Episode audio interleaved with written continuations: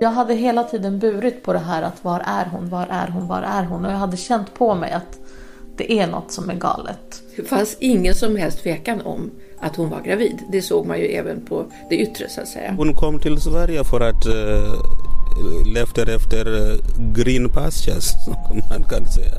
Jag kan inte minnas under min långa tid som åklagare någonsin en kvinna Eh, som har varit höggravid som har blivit mördad.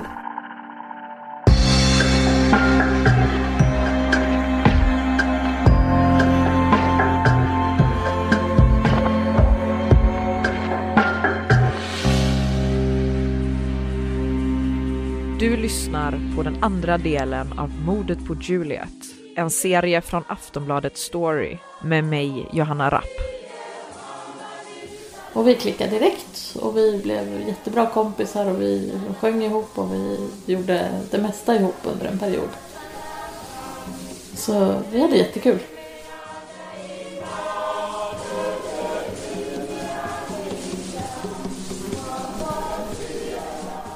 Heidi och Juliet träffades i början av år 2003 när de började sjunga i samma kyrkokör. Och de blev genast bra vänner. Vi brukade vara på min kolonilott. Vi brukade hänga bara. Vi brukade sjunga. Vi brukade åka på små resor tillsammans över weekends. Och vi brukade...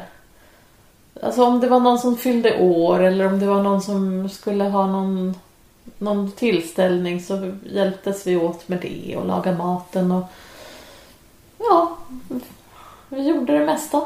Hon var lite blyg, lite sådär tillknäppt ibland men sen var hon ganska Alltså hon var rätt kul när man väl lyckades komma in lite mer liksom men hon kunde vara ganska tillbakadragen länge.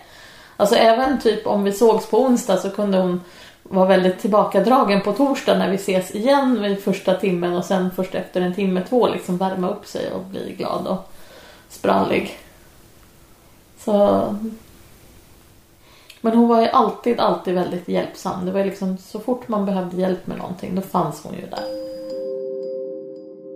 Den 2 augusti år 2006 ringer Heidi till polisen hon har då läst i tidningen om att en kvinna hittats mördad i vattnet utanför Ekerö, väster om Stockholm.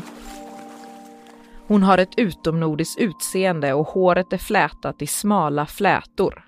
En del av dem är gjorda av inflätat syntetmaterial, sa Västerortspolisen till Aftonbladet i en artikel som publicerades den 1 augusti år 2006. Jag förstod direkt. Jag, jag bara fattade att det här måste vara hon. Framförallt är det en detalj i nyhetsrapporteringen som övertygar Heidi om att det måste vara hennes vän Juliet som är hittad mördad. Det står nämligen att kvinnan är gravid, i sjunde eller åttonde månaden. Heidi och Juliet var gravida samtidigt. Hennes mage var ju mycket mindre än min hela tiden, även om hon låg före mig. Så hon kunde ju dölja den också ibland liksom. Och sen gick vi och planerade och tittade på babykläder och hon planerade på hur hon skulle gå omkring med vagn och jag tänkte så oh, jag vill inte ha någon vagn, det är bara otympligt. Alltså, mm, mm, babykläder är så söta när man, när man väntar sin första bebis. Så finns det ingenting bättre än babykläder. Så vi var ju helt tokiga hon och jag i och gå omkring och titta på, på sånt och alla möjliga små attiraljer och fundera på namn. Och snart bekräftar polisen hennes misstanke. Via fingeravtryck lyckas man identifiera kvinnan som den 34-åriga Juliet Kavinga. När hon hittas mördad i slutet av juli år 2006 har hon varit försvunnen i över ett år. Senast hon sågs till var i maj år 2005. Det var ju väldigt konstigt när vi upptäckte att hon inte överhuvudtaget fanns bland efterlysta. Men vem Juliet egentligen var, var på många sätt en gåta. Egentligen hette hon inte ens Juliet, utan hennes riktiga namn var Viata Kikaka. Juliet blev hon först när hon kom till Sverige år 2002. Juliet, eller Viata, föddes i december år 1970 i Kenya, i de östra provinserna. Hon växte upp i en liten by tillsammans med sin mamma och pappa och sex syskon. I polisens förundersökning berättade senare hennes vänner att Juliet sagt att familjen växte upp fattigt men att hon ändå fick läsa vidare. Hon gick på ett gymnasium för flickor och sedan pluggade hon vidare på universitetet. Juliet lämnade Kenya för att åka till Botswana och där fick hon jobb som lärare. I ett referensbrev som hon sparat beskrivs hon som en hårt arbetande, väluppfostrad och disciplinerad ung kvinna. Hon frivilligarbetade för en kyrka och gick i bibelstudier. Dessutom gick hon en ettårig frisörsutbildning och en kurs i kvinnliga rättigheter för att öka kvinnors inflytande både i Kenya och utomlands. År 2002 bestämmer sig Juliet för att åka till Sverige. Hon har nämligen blivit antagen till en fyra veckor lång sommarkurs vid Uppsala universitet. Men hon dyker aldrig upp på kursen som startar den 21 juli. Varför hon bestämmer sig för att åka till just Sverige är det ingen som riktigt verkar veta. Hon har ingen släkt eller vänner här sedan tidigare. Ingen aning om varför det var just Sverige men att, att det var Europa var ju säkert för att hon, hon var ju inte, alltså hon hade det inte så gott ställt hemma i Kenya. Hon var egentligen utbildad lärare och hade jobbat i Botswana ett tag som lärare också. Och Botswana är ett betydligt rikare land än Kenya. Men samtidigt så är hon ju fortfarande inte lokal där heller. Vilket gör att hon får ju inte lön som en lokal och så vidare. Så det blir ju inte så, det blir inte så mycket pengar i fickan där heller. Eh, så jag tror att hon försökte försörja sin familj i Kenya. Och försökte komma hit för att lyckas med det liksom. Försökte skapa sig ett liv. Och hon kom till Sverige för att eh, uh efter green pastures, som man kan säga. Som jag vet. För att hon var ingen flykting. Sen hon kom hit och sen hon vill stanna hit. Ja, därför hon kom till Sverige. Mm. Och Kotosave är också från Kenya. Han är med i kenyanska föreningen och driver bloggen Kenya Stockholm blogg. Sommaren 2002 brukade föreningen ordna fester för kenyaner i Stockholm och det var också genom föreningen som han träffade Juliet. Han säger att hon kom till festerna för att knyta kontakter. Hon ville jobba som frisör och med att fläta hår. Hon skulle skaffa kontakt så hon skulle fixa eh, salonprojektet. Hon var mycket religiös och du vet, de som är religiösa inte sysslar så mycket med eh, alkohol och sådär. Yeah. Genom den kenyanska föreningen försökte Juliet att knyta kontakter för sitt arbete som frisör.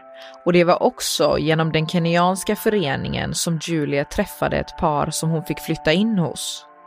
Senare flyttade hon vidare till en lägenhet i Skogås som hon delar med några andra. Juliet börjar bygga ett liv i Sverige. Hon jobbar med att fläta hår, skaffade vänner och sjöng i kören. Men Juliet hade ett problem som inte alla hennes vänner kände till. Hon var nämligen papperslös.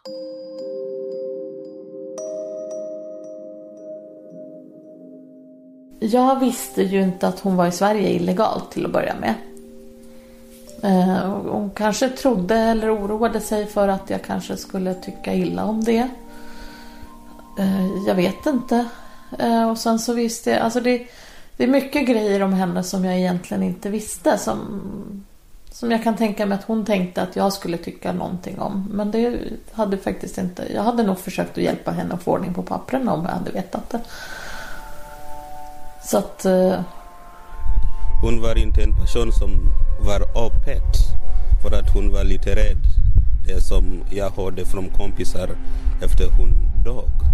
Hon var lite rädd att kanske något kan få veta om hennes situation för att hon hade ingen uppehållstillstånd. Så hela tiden hon var underjordisk så kan man säga. Så hon vill inte ta så mycket kontakt och nådiga kontakt. Hon vill ta businesskontakter. Men trots att Juliet levde som papperslös fortsatte hon sitt liv i Sverige och sensommaren 2004 träffade hon en man och blev kär. Det jag kommer ihåg att hon tyckte om honom då i början när hon fortfarande var lycklig var ju att han var väldigt snygg, muskulös. Um, ja, typ det.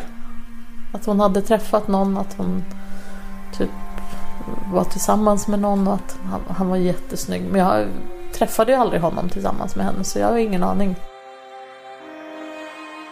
Det dröjde inte lång tid förrän Juliet upptäckte att hon var gravid.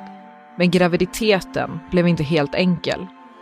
I polisförhör ska senare flera av Juliets vänner och bekanta berätta att Juliet sagt att hennes pojkvän inte ville att hon skulle behålla barnet, utan att hon skulle göra abort.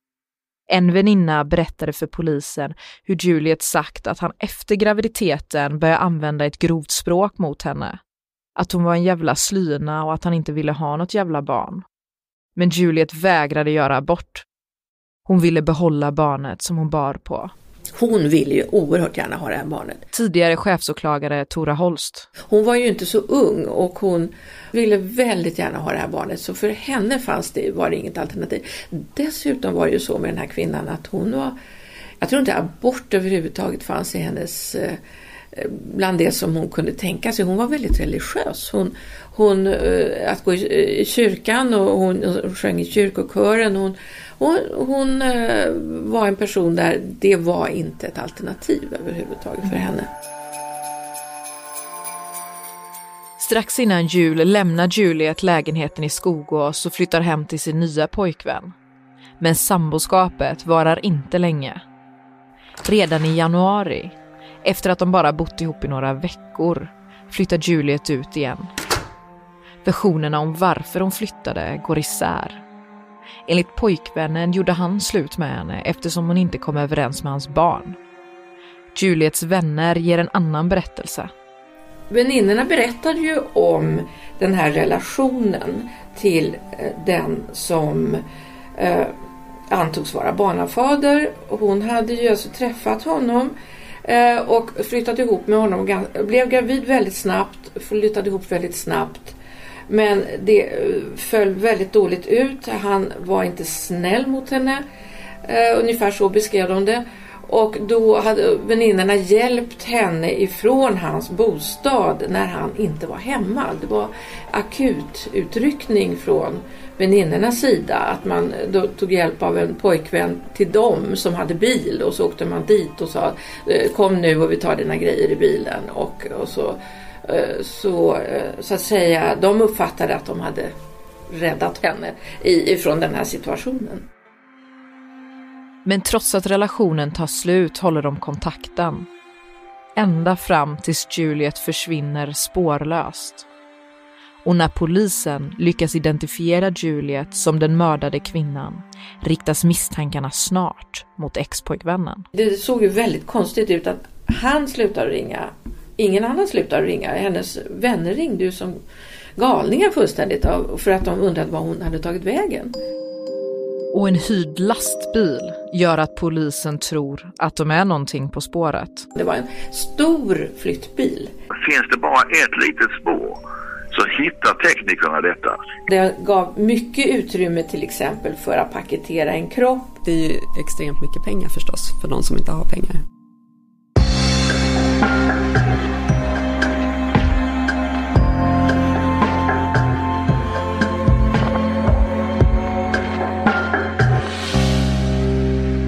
Du har lyssnat på mordet på Juliet, som är en del av Aftonbladets story.